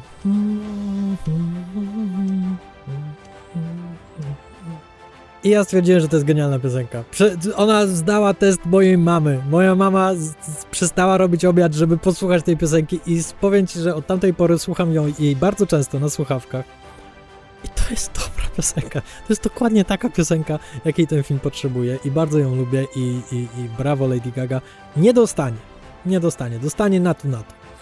No dobrze, a w, te, w tym momencie przechodzimy do kategorii muzyka. Original Score nominowani to Na Zachodzie Bez Zmian, czyli Walker, Bertelman, Babylon, Justin Hurwitz, Hurwitz e, Banshees of Inisherin, Cartel, Burwell, Everything, every, Wszystko Wszędzie Naraz, Son Lux i Fablemanowie, John Williams. Wiesz, tak, bardzo się cieszę, że John Williams dostał tutaj nominację, ale what the fuck w tym filmie naprawdę muzyka to jest najmniej istotny element i to jest nagroda, nominacja za całokształt bardziej. Chociaż John Williams już się przyznał, że nie, jednak jeszcze nie odejdzie tak szybko na tą emeryturę i to nie jest jego ostatni soundtrack. No ostatni ma być e, Indiana Jones. Tak, ale chyba tam jeszcze coś innego później zrobi ze Spielbergiem, coś takiego. Czyli to tak trochę przycwanił Johnny. Em, ja z sercem i rozumem głosuję na Babylon. Ja też jestem za Babilonem, mimo że rzeczywiście słuchałem sobie, bo filmu jeszcze nie zdążyłem obejrzeć, ale przesłuchałem sobie soundtrack. On jest dosyć odtwórczy i jest... y, y, dlatego zastanawiam się, zastanawiam się jeszcze mimo wszystko nad Na Zachodzie Bez Zmian. Tak, waliło, waliło. Ani spać, ani się położyć. E, ale chyba zostanę przy Babilonie. Y, Tutaj coś to jest, jest- na rzeczy z tym, co powiedziałeś na Zachodzie bez zmian. To, to brzmi jak taki zaskakujący typ. Jeśli ma być jakieś zaskoczenie, to że właśnie dadzą tej muzyce, która jest bardzo zauważalna w tym filmie i ona robi robotę w tym filmie bardzo. Ale rzeczywiście, jeżeli mam czegoś posłuchać i mieć to na słuchawkach, to ten Babylon sprawia największą frajdę. E, I no, nie jesteś w stanie na zachodzie bez zmian iść, nie wiem, e, skakać po łące z uśmiechem na twarzy. Tak, no a poza tym też słyszysz, y, jak włączasz sobie ścieżkę do Babilonu, słyszysz, że ojej, jak, jaką ten facet wykonał robotę przy biurku, komponując to wszystko. Tak jest. E, także Babylon, e, Justin Hurwitz, Horwitz, Hurwitz, Horowitz. Horwitz. E, a my przechodzimy do kategorii Make-up and Hairstyling. Nasza ulubiona kategoria. Na zachodzie bez zmian Batman, Black Panther, Wakanda Forever, Elvis i The Whale. No więc tak, tutaj y, zdania są bardzo podzielone, ponieważ wszyscy mówią, że Brendan Fraser nie istnieje bez tej charakteryzacji, w związku z tym jest to nierozłącznie związane z jednym z faworytów kategorii najlepszy aktor. Dlatego tutaj charakteryzacja do The Whale jest bardzo silnym faworytem, aczkolwiek są bardzo duże kontrowersje, no bo wiadomo, to jest fatsuit. Tak, ale to, co się dzieje, dzieje, dzieje w charakteryzacji na zachodzie bez zmian, No bo to się dzieje, jeju. no, błoto, nie tylko błoto, ale to, co się dzieje z... E, jeżeli widzieliście film, to wiecie, że te wybuchy i to wszystko, no to robi niebagatelne wrażenie. No nie, no w błocie się tarzali, pozwolili, żeby to błoto zastygło na twarzy i to jest, to jest film błota, to jest film Tak. jak wiele można wycisnąć z błota. Jeżeli chodzi o Elvisa, to też mamy fatsut. I to też jest silny y, kandydat aktorski, to też jest y, charakteryzacja powiązana z rolą bardzo mocno no i wydaje mi się, że nie ma tej kontrowersji, jaka jest przy y, A, a Wielorybie. Batman, ktoś mu musiał oczy pomalować. Ojej, Batman? Czy mam ci przypomnieć Colina Farrella w tym filmie? No to prawda. Y, mój sercowy typ to jest Batman. ponieważ to jest kapitalny kawałek charakteryzacji. Ja dziwię się, że nie jest o tym tak głośno. Jezus Maria, Colin Farrell w tym filmie wybitnie Okej. wygląda. Ja sercem obstawiam na zachodzie bez zmian, a rozum mówi mi, że The Whale. Ja sercem, jak już wspomniałem, The Batman, natomiast rozumem obstawiam Elvisa. Brawo! Same fatsuty w tym roku. Yy, No dobrze, film międzynarodowy. Na zachodzie I bez o. zmian i myślę, że tu możemy skończyć. Tak, na zachodzie bez zmiany. Jeśli film jest nominowany w dwóch kategoriach, najlepszy film nieanglojęzyczny i najlepszy film, no to No to kurczę. tutaj na pewno dostanie, chociażby jako nagrodę pocieszenia. Oczywiście trzeba wspomnieć, że jest, jeszcze jest film Argentina 1985. Z, skąd? z Argentyny. Pięknie. Close z Belgii i o, z Polski oraz The Quiet Girl z Irlandii. No ale wydaje mi się, że tutaj no, ta kategoria już jest rozstrzygnięta i e, serce i rozum, niestety serce, przykro mi, e, bo mamy tutaj polskiego, polski, Polski akcent. e, mamy Oscarach. tutaj polski akcent, czyli i o Skolimowski. Polacy są zaangażowani. Tak, dlatego e, dzięki temu też będziemy mogli tę galę obejrzeć e, na, na portalu Kanal Plus. Właśnie, gala będzie dostępna na portalu Kanal Plus Premium oraz na ich apce, czyli Kanal Plus Online. Jeśli miałbym tutaj wskazać na kogoś, kto mógłby niespodziewanie się pojawić, to wskazałbym na Irlandię i na Quiet Girl. Bardzo dużo dobrego słyszę o tym filmie. No i, i znowu powtarzam, Irlandczycy siłą są na tych Oscarach tegorocznych, przynajmniej jeśli chodzi o nominacje. Kto wie, czy tutaj zaskakująco nie zgarną tej nagrody sprzed niemieckich W rąk. każdym razie, moim zdaniem, serce rozum podpowiada na zachodzie bez zmian. I, ja sercem jestem za close.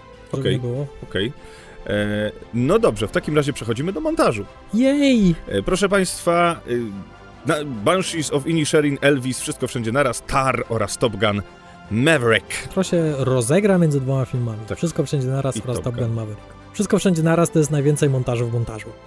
I faktycznie to jest, e, no bez, bez tego montażu ten film nie istnieje.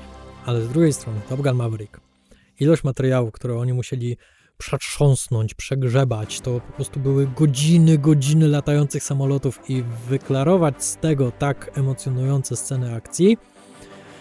No kochani, ulala, szapoba. Zgadzam się absolutnie E, i ja stawiam sercem na Top Guna właśnie. A rozsądek mówi mi, że to jednak wszystko wszędzie naraz.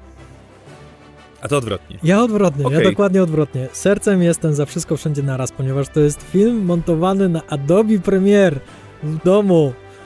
To jest po prostu utożsamiam się z tym montażem całkowicie. Jestem tak przedumny z tej nominacji, ale rozum mi podpowiada, że jednak nagrodzą Top Guna. No dobrze, a my w tym momencie przechodzimy do y, shortu dokumentalnego. Y, The Elephant Whisperers, Do, dostępny na Netflixie, y, Hollout, dostępny na YouTubie, How Do You Measure a Year, niedostępny, The Martha Mitchell Effect, dostępny na Netflixie, Stranger at the Gate. dostępny na YouTubie. E, opowiedzieć ci o czym są te, te, te, te? Powiedz tylko w dwóch zdaniach tam wszystkim powiedz. Na wszystkie filmy? The Elephant Whisperers. E, para e, Hindusów opiekuje się słoniami w takim schronisku dla słoni. w Fallout? E, pewien e, rosyjski biolog na Syberii obserwuje morsy, które e, migrują i bardzo cierpią, ponieważ jest globalne How ocieplenie. Do You Measure a Year? Jeden facet od pierwszego dnia roku życia swojej córki co roku ją filmował aż do 18 roku The życia. Martha Mitchell Effect. To jest o bardzo znanej politycznej osobowości, e, pewna babka, która bardzo wokalnie, właśnie Marta Mitchell, bardzo wokalnie wypowiadała się przeciwko Nixonowi. Stranger at the Gate. Pewien Amerykaniec powiedział, że wymorduje wszystkich muzułmanów w swoim miasteczku, po czym ci muzułmanowie, muzułmani, Muzułmani. muzułmani byli tak mili dla niego, że zmienił zdanie. Okej. E, Do kogo pójdzie Oscar? Ja bym dał przez to, co mi opowiedziałeś. How do you measure a year? Jeszcze dlatego, że y, brzmi to jak fragment z Rent, więc Też obstawię, rozumiem How Do You Measure a Year, widzisz? ale sercem Elephant Whisperers. Okej. Serdecznie wam polecam. Jest na Netflixie do obejrzenia. Słonie są super. I się tak wzruszyłem na tym filmie. Ojej, ja. A teraz długi metraż dokumentalny. No i tutaj Oj, mamy oj, oj. rzeczywiście y, grubą konkurencję. Świetna All That- kategoria. Ty możesz mówić, jak wiesz, gdzie są. All That Breath, E, HBO Max. All the Beauty and the Bloodshed, Będzie na HBO Max. Fire of, fi- y, Fire of Love, Disney Plus. A House Made of Splinters Nie jest dostępny. i Nawalny. HBO Max. Y, No ja to może zacznę. Zacznij. E, widziałem e, Fire of Love. No i co? Rzeczywiście, tak jak mówiłeś, jest to bardzo zabawny dokument. W sensie, y, mimo. y, y, Kilka rzeczy mi przeszkadza, typu narracja i, i tego typu. Mhm. To jest coś, co, co kłuje mnie w ucho. Mhm. E, ogólnie jest to bardzo. Bardzo ciekawy dokument, ale jednak no, moje serce zostaje przy Nawalnym. Serce i rozum. I serce i rozum to jest, to jest Nawalny. Ja sercem na pewno jestem za Fire of Love, natomiast rozum. No nie, rozum mi podpowiada Nawalnego. Ja nie jestem tak wielkim fanem Nawalnego, ponieważ to jest bardzo dobry dokument, ale ja już jestem trochę zmęczony z ciśnięciem beki z Rosjan. Oczywiście to się nigdy nie znudzi, ale to jest też bardzo łatwy temat. Mm, Znaczy, no to jest kwestia, jeżeli nie będziemy mówili, co tam się dzieje w tym. y, W w jednym z naszych odcinków z podsumowań mówimy o Nawalnym mniej więcej, co tam się w tym filmie dzieje, więc jeżeli jesteście ciekawi, to możecie sobie odpalić polecajkę, to jest chyba polecajka styczniowa, więc yy, zachęcamy was, ale znaczy to pokazuje tylko, nawet to nie jest forma naśmiewania się z Rosji, tylko pokazanie, jak bardzo kolosem na glinianych nogach jest, Tak, jest to tak. państwo. No to są debile po prostu. Ale jest jeszcze, mam jedno zastrzeżenie do tego dokumentu. Nawalny, główny bohater, on jest bardzo, bardzo socialowy. On Mhm. wie, jak grać pod publikę i Oczywiście. to trochę czuć w tym dokumencie. Dlatego ja tak nie mogę w 100% szczerze kupić to, co się na tym ekranie dzieje, że to jest tak naturalne i Mhm. nieustawione. Miałem gdzieś tam jakiś fałsz, ale przyznaję, że jest to kawał niesamowicie wciągającej historii, która...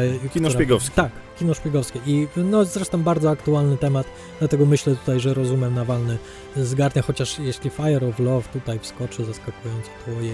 No dobrze, a my przechodzimy do następnej kategorii, którą jest reżyseria. A nominowani w tej kategorii to Martin McDonough za Uuu. Banshees of Inisherin, Wszystko Wszędzie Naraz, Daniel Kwon and Daniel Sch- Scheinert, Fablemanowie Steven Spielberg, Tar Todd Fields, Field, Tar Todd Field i Triangle of Sadness Ruben Östland. Z jakiegoś powodu ludzie tutaj jeszcze nie wierzą, że Danielsi dostaną tą nagrodę. Danielsi dostaną tą nagrodę. Danielsi dostaną tą nagrodę, ale nie dostaną za scenariusz, ponieważ scenariusz powędruje do Martina McDona za duchy Eda Sheerana.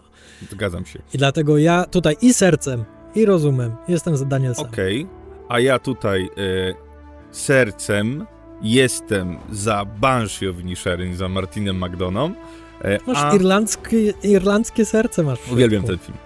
A, y, a druga, czyli Rozum, wędruje do, do duetu Kwan Scheinert. Mm, Ja już to wielokrotnie powtarzałem. Danielsi to są po prostu dobrzy ziomkowie, którzy zrobili fajny film, przy którym dobrze się bawili i teraz nagle wszystkie splendory na nich spływają. I ja to uwielbiam. Ja to uwielbiam, że coś takiego jest nagradzane. No a my przechodzimy y, dosyć płynnie do kategorii o nazwie Costume Design, czyli kostiumy. E, Babylon, y, Black Panther, Wakanda Forever, Elvis, Wszystko Wszędzie Naraz oraz Mrs. Harris Goes to Paris. Uwielbiam ten tytuł, za każdym razem mnie rozwala. Ja powiem tak, wszyscy tutaj obstawiają Ruth Carter za Black Panther Wakanda Forever, ponieważ to jest Ruth Carter, tylko że Black Panther już dostała Oscara za kostium. Pierwsza część. Nie wiem, czy uda im się dwa razy yy, Ja to samo wygrać. obstawiam Babylon. Widzisz, ja za scenografię bym wstawił Babylon, natomiast za kostiumy no nie do końca. Co, Mrs. Harris Goes to Paris? Elvis. Elvis? Elvis. Eee, Elvis, come on, to jest, to jest ikona i te wszystkie jego ikoniczne stroje odwzorowane na ekranie. Myślę, że tutaj, wiecie, pomimo tego, że my tego filmu nie trawimy, Akademia bardzo, bardzo im się ten film spodobał. Dali tyle nominacji. Ugh.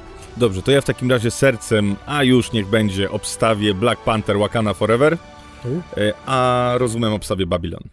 Ja rozumiem, obstawiam Elvisa, natomiast sercem wszystko wszędzie naraz, Okej. ponieważ tam z, y, Jobu, Tupaki, Jobu, Tuba, Chewbacca, y, to są fantastyczne kostiumy, bardzo, bardzo, bardzo zabawne i bardzo kreatywne.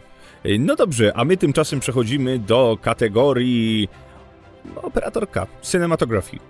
Na zachodzie bez zmian James Friend, Friend e, Bardo, False Chronicle of a Handful of Truth, e, Darius Konji, Elvis Mandy Walker, Empire of Light, Roger Dickens oraz star Florian Hofmeister.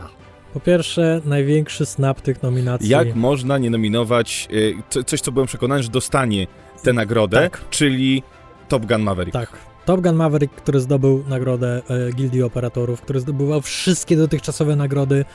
Ja to nie miałem wątpliwości, jak Ja zobaczyłem ten film. To na, jaką nagrodę ten film dostanie na pewno, to było dla mnie e, cinematografii 100%. Wiecie, no to jest kręcenie w ekstremalnych warunkach, to jest zaplanowanie perfekcyjnie tych ujęć przed kręceniem. To, to jest po prostu logistyczne, niesamowicie osiągnięcie i to, że to wygląda tak dobrze. To, że to wygląda tak magicznie. To jest kręcone na żywo, słuchajcie. To, jest, to, to nie są sytuacje, gdzie oni stali i mają tło nałożone. Nie. Te y, myśliwce rzeczywiście wykonywały te akrobacje, te myśliwce latały. Ta kamera była zamontowana tam. Stworzyli specjalną kamerę, która była dwuczęściowa. To jest naprawdę ogromny, y, ogromny. Y, brakuje mi słowa. Mount Everest. Mount Everest operatorski. Tak. To jest Hoyte van Hoytema robiący Dunkierkę. Dunkierkę. Tak. Tak, zgadzam się całkowicie, ale niestety ja z jakiegoś powodu nie nominowali tego. A tymczasem moja nagroda wędruje do, y, na zachodzie bez zmian. Ja rozumiem, głosuję na zachodzie bez zmian, natomiast sercem jestem za Tar, ponieważ Tar jest przepiękny. Nie widziałem Tar. film. Tak wiem, cały czas czekam. Z nikim nie ma porozmawiać o tym filmie. A my tymczasem przechodzimy do filmu animowanego. Jednej z najsilniejszych kategorii Oscarowych w tym roku według. Guillermo del Toro z Pinocchio. E, Sami musicie się domyślić, kto wyreżyserował ten film. E, Następny film to Marcel the Shell with Shoes On, e, Kot w butach The Last Wish, Sea Beast oraz Turning Red. Nie wiem, jaki jest polski tytuł tego. To nie wypanda? O, to nie wypanda. To nie wypanda. Tak, dlatego tak nie mogłem nie znaleźć w głowie jakiegoś wypanda. skojarzenia. No ba. Mm, y, No i y, to, co muszę wam powiedzieć, to tak, sercem głosuję za To nie wypanda. Mm. Rozum mi mówi, że nie ma innej możliwości i dostanie Pinokio. Rozum Pinokio, a sercem jestem za Marcelem, Seabeast i to nie wypanda. Okej, uczciwie. To są... To jest tak silna. To Ja nie widziałem tego Marcela. e, ja widziałem przekochana animacja, taki ciepły kociuciek, cię się A jest- gdzie to jest do zobaczenia? Jest gdzieś do zobaczenia? Legalnie? Pomidor. Ja nie mogę wytrzymać. Animacje ze Studia 24 i ja mam czekać, aż ktoś łaskawie to wpuści. Nie, nie trafi tu do kin na pewno, ale cudowna, cudowna animacja poklatkowa. Seabeast już rozmawialiśmy, bardzo mi się podoba ten film. To nie wypanda, no wybitna animacja Pixara. Kot w butach, żeby nie było, widziałem ten film. Bardzo mi się podobał, aczkolwiek cały czas jest to uniwersum Shreka, a już poczucie humoru Shreka trochę mi się przejadło i stało się trochę dla mnie pasem. No dobrze, my tymczasem przechodzimy, kochani, słuchajcie, do następnej kategorii, do już czterech ostatnich kategorii, czyli do kategorii aktorskich, a przed nami, proszę Państwa, aktorka w roli drugoplanowej, a nominowane to Angela Bassett za Black Panther, Wakanda Forever, Hong Chao za The Whale, Kerry Condon za Banshees of Inisherin, Jamie Lee Curtis, brawo, brawo, brawo, Everything Everywhere All at Once, czyli Słyszę wszystko wszędzie naraz, i. Stephanie Su za wszystko wszędzie naraz. I tutaj w końcu myślę, że porozchodzą się te nasze Tak. serce i rozumy. Tu się porozchodzi, ale tutaj też paradoksalnie, po gildii aktorów to jest bardzo otwarty wyścig. Tak naprawdę we wszystkich kategoriach aktorskich z wyjątkiem jednej, o której za chwilę porozmawiamy. E, No dobrze, no to w takim razie ja sobie zacznę. Proszę bardzo. E, moim marzeniem Tak myślałem. jest... E, a co, a co? Rozum niech będzie, że e, zagłosuję za Jamie Lee Curtis, za wszystko wszędzie naraz. Ja mówiłem, że ona powinna dostać tego Oscara, zanim to było modne. I cieszę Zanim się... Jamie Lee Curtis zaczęła o tym mówić. Dokładnie tak, więc cieszę się, że ona w końcu mnie usłyszała i podjęła tę decyzję. A jeżeli chodzi o serce, no chcę być uczciwy, żeby to była Jamie Lee Curtis, ale chcę to też rozbić. Mhm. Więc e, serce e, wędruje do Kerry Condon za mój ulubiony film w tym roku, czyli za Banshees of E, ja rozumiem, zagłosuję na Kerry Condon. Mhm. Wydaje mi się, że przy takim dużym rozstrzale dostanie ktoś, kto dostał baftę, a Mhm. Condon dostała baftę. Pomimo tego już kocham Jamie Lee Curtis i przede wszystkim kocham patrzeć, jak Jamie Lee Curtis zdobywa nagrody. Jeśli chcecie się wzruszyć, roześmiać do łez i tak dalej, to obejrzyjcie sobie jej nagrodę y, dla, z Gildii Aktorów. Zresztą to było coś takiego, ja oglądałem tą ceremonię i za każdym razem, jak w trakcie ceremonii ktoś wspominał Jamie Lee Curtis, albo ona się pojawiała gdzieś tam na kamerze, to wszyscy na sali To watowali na jej cześć. którą się kocha. Tak. To jest... y, współczesna, no, głupio brzmi, bo y, jak powiem to nazwisko, które chcę powiedzieć, to będzie, no przecież ona też jest współczesna, Konrad. I będziecie mieli rację, ale współczesna, że 2-3 lata temu o niej było głośno właśnie w ten sposób, jak teraz jest głośno o Jamie Lee Curtis, czyli Laura Dern. I to jest taka właśnie nasza Laura Dern y, tego roku. Tak. y, Albo też, y, tylko wypadło mi teraz z głowy, ta co grała w faworycie, y, Olivia Colman. o, albo Olivia Colman. To są właśnie tego typu osoby, które pojawiają się na Oscarach i od razu on chcesz, żeby wyszła na scenę. No, tro... dobra, tak. Tylko, że Olivia Colman miała le- lepszą rolę od Jamie Lee Curtis. Tak, ale też, E, ale no, okej. Okej, rozumiem, rozumiem. Tak. Ja całkowicie rozumiem wszystkie argumenty za Jamie Lee Curtis i będę w niebo wzięty, jeśli ona dostanie. Sercem jestem za Stephanie Su, ponieważ według mnie to jest najlepsza rola w tym filmie. Okej. Tak obiektywnie rzecz biorąc, to jest najlepszej, najlepiej zagrana postać w tym filmie, najtrudniejsza postać do zagrania, ponieważ musi za, zagrać dwie postacie tak naprawdę. Tak jest. E, dlatego jeśli to będzie Stephanie Su, to będę przeszczęśliwy. Jeśli to będzie Jamie Lee Curtis, będę przeszczęśliwy.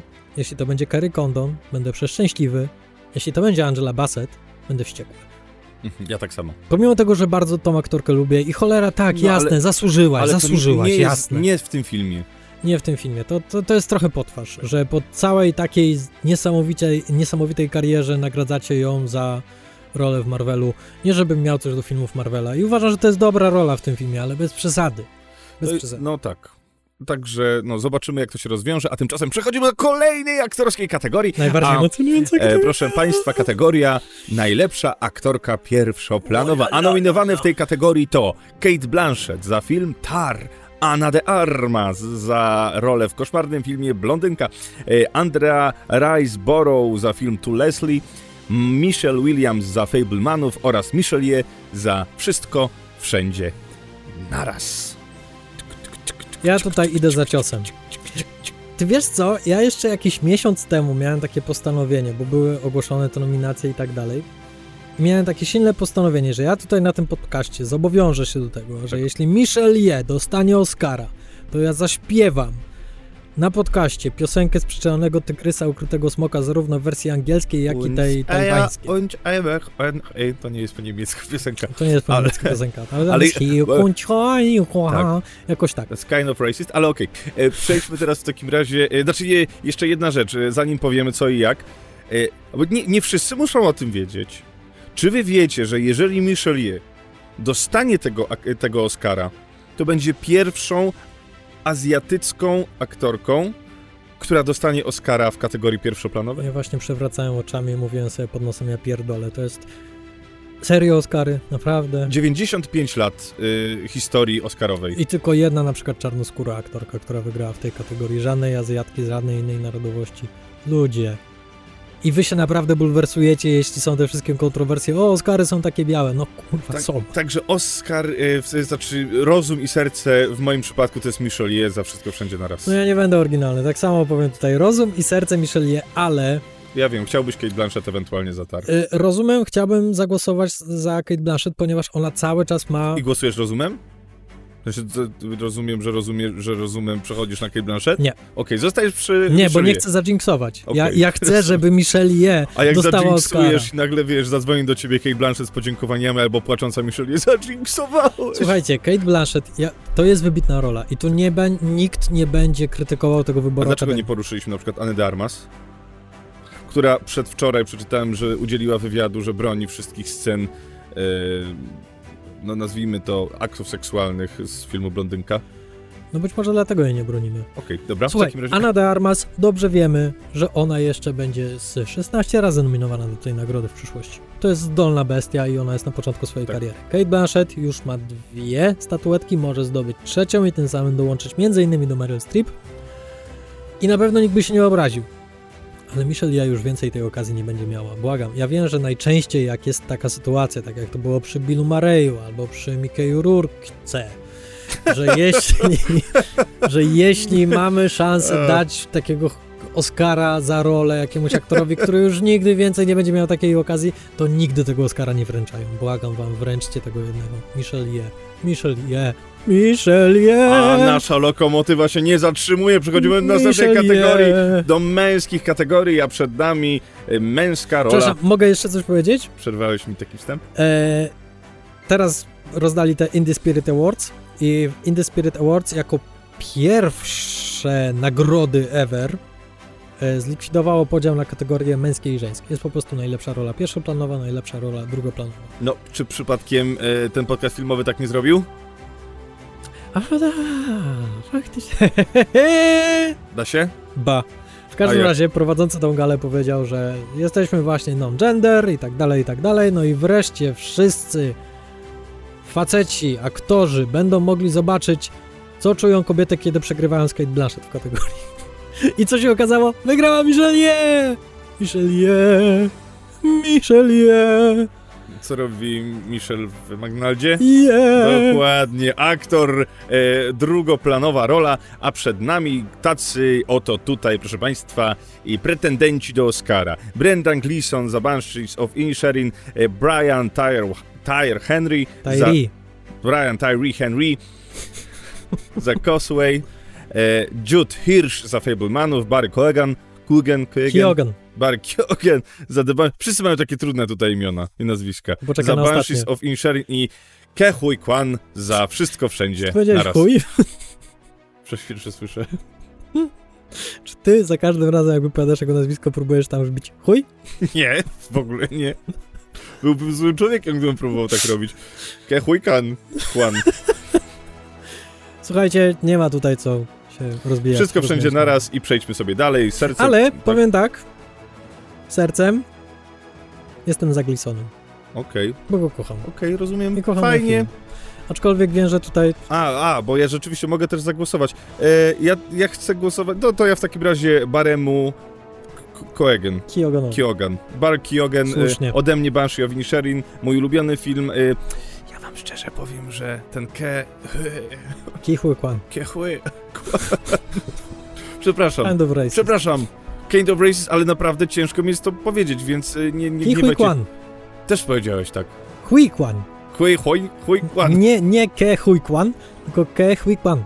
Kue Hoi Kwan.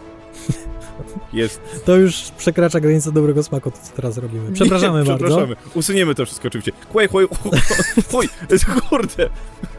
Dobra, przepraszam, nie można śmiać się z nazwisk, wiemy o tym. Waymont.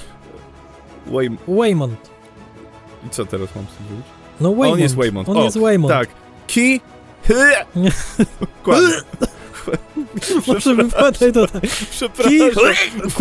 Próbuję wybrnąć z tej sytuacji, ale nie daję rady. E, no więc aktor grający w, we Wszystko Wszędzie Naraz dostaje rozumem Barry Keoghan za Banshee of Inisherin, nagroda sercowa. A przechodzimy w tym momencie do ostatniej nominacji, ostatnich nominacji, ostatniej kategorii, czyli aktor pierwszoplanowa rola, a nominowani to, tu będzie trochę łatwiej, Austin Butler za film Elvis, Colin Farrell za Banshees of Inisherin, Brendan Fraser za The Whale, Paul Mescal za After Sun i Bill Nighy za film Living. Ja od razu mówię, że sercem jestem za Polem Mescalem.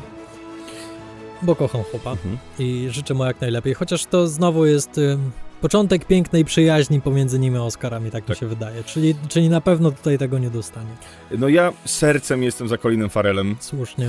a rozum i tobie i mnie podpowiada jedno, Brendan Fraser za Wieloryba. Ty Austin Butler? Austin Butler. Naprawdę? O, Ja... Kurczę... Okej. To jest znowu podobna sytuacja jak w aktorce pierwszoplanowej. To jest web w web w chwili obecnej. To jest. Tu, to może pójść i tu, i tu, i nie zdziwiłbym się, gdyby Austin Butler dostał tego Oscara, no bo wiadomo, to jest przynęta. Natomiast Brendan Fraser, tak jak już wspomniałem, to jest ta historia wielkiego comebacku, a one najczęściej nie są nagradzane. Ja uwielbiam tą rolę. Uważam, że zasługuje jak mało kto na tą nagrodę. A widziałeś jak odbiera y, wszystkie nagrody? Widziałem. Każdy chce to zobaczyć. Za każdym razem ryczę. Ale też widziałem, jak Austin Butler odbiera. No jak odbiera? Jako Elvis. I za każdym razem widzę młodego, skromnego, pełnego pokory, prężnego, przystojnego aktora. Znaczy przyznam wam jedną, y, przyznam jedną rzecz tym filmom, które troszkę stawiają je na równi. To są dwie fantastyczne role w średnich filmach. Tak. I znowu, mówiliśmy o tym. Gdybyśmy chcieli fantastyczną rolę w rewelacyjnym filmie, Colin Farrell pobite gary. Dokładnie nic więcej, ni, Dokładnie nic dodać, nic ująć. No ale niestety Colin Farrell, mm, nie, ju- jeśli nawet od Brytyjczyków nie dostał nagrody, to nie ma szans tutaj na Oscara. Ale kto wie, może to będzie sytuacja, gdzie dwóch się bije, tam trzeci korzysta i być może ktoś tutaj jest w stanie wskoczyć, jak podzielą losy pomiędzy siebie e, Austin Butler i Brendan Fraser. Być może tutaj na przykład właśnie Colin Farrell może sprzed nosa, no nuż tuż tuż. To tyle na dzisiaj. W niedzielę 12 w nocy z 12 na 13 będziemy świadkami rozdania 95 nagród statuetek Akademii Amerykańskiej Akademii Filmowej pod tytułem Oscary. E, Bądźcie z nami tego dnia. Jeżeli pojedziemy do Warszawy, jeżeli pojedziemy e, na, e, na, na, do, do Cinema City Sadyba, żeby obejrzeć te Oscary razem z bracią Kanal Plus, no to zrelacjonujemy wam to wszystko na, mesen- na, na Instagramie, powrzucamy wam kilka rolek, trzymajcie kciuki, żeby nam się udało. Yy, No a tymczasem co? No świętujmy, świętujmy, bo jest to dzień, który jest równoznaczny z największym świętem kina, więc bawmy się. Cieszmy się filmami, bo od tego one są. Bo tak szybko odchodzą. Dokładnie tak. I co? I słyszymy się w przyszłym tygodniu na podsumowaniu 95. gali Oscarowej. Tak, prowadzący Jimmy Kimmel. Jestem dobrej myśli, bo Tak. go lubię i robi to z klasą. Wiem, że jest wielu krytyków jego prowadzenia. Ja nie mogę się doczekać i przede wszystkim nie mogę się doczekać tej, tego Przekąsek. wielkiego, wielkiego triumfu. Jaki przekąsek? A, w, no, w Warszawie. Oby, oby były, no. Oby były, no. Cztery godziny o suchym pysku. E, No, jak się zdecydujemy, żeby pojechać na 21.30, żeby jeszcze sobie zobaczyć i o, z Kolimowskiego to dłużej. myślisz, że Skolimowski będzie na tym pokazie? Myślę, że będzie w... Hollywood. Hollywood, Ma sens. prawda? No dobrze, słuchajcie, trzymajcie się, słyszymy się w przyszłym tygodniu. Do usłyszenia. Do usłyszenia. Trzymajcie się, cześć. Cześć, kochani.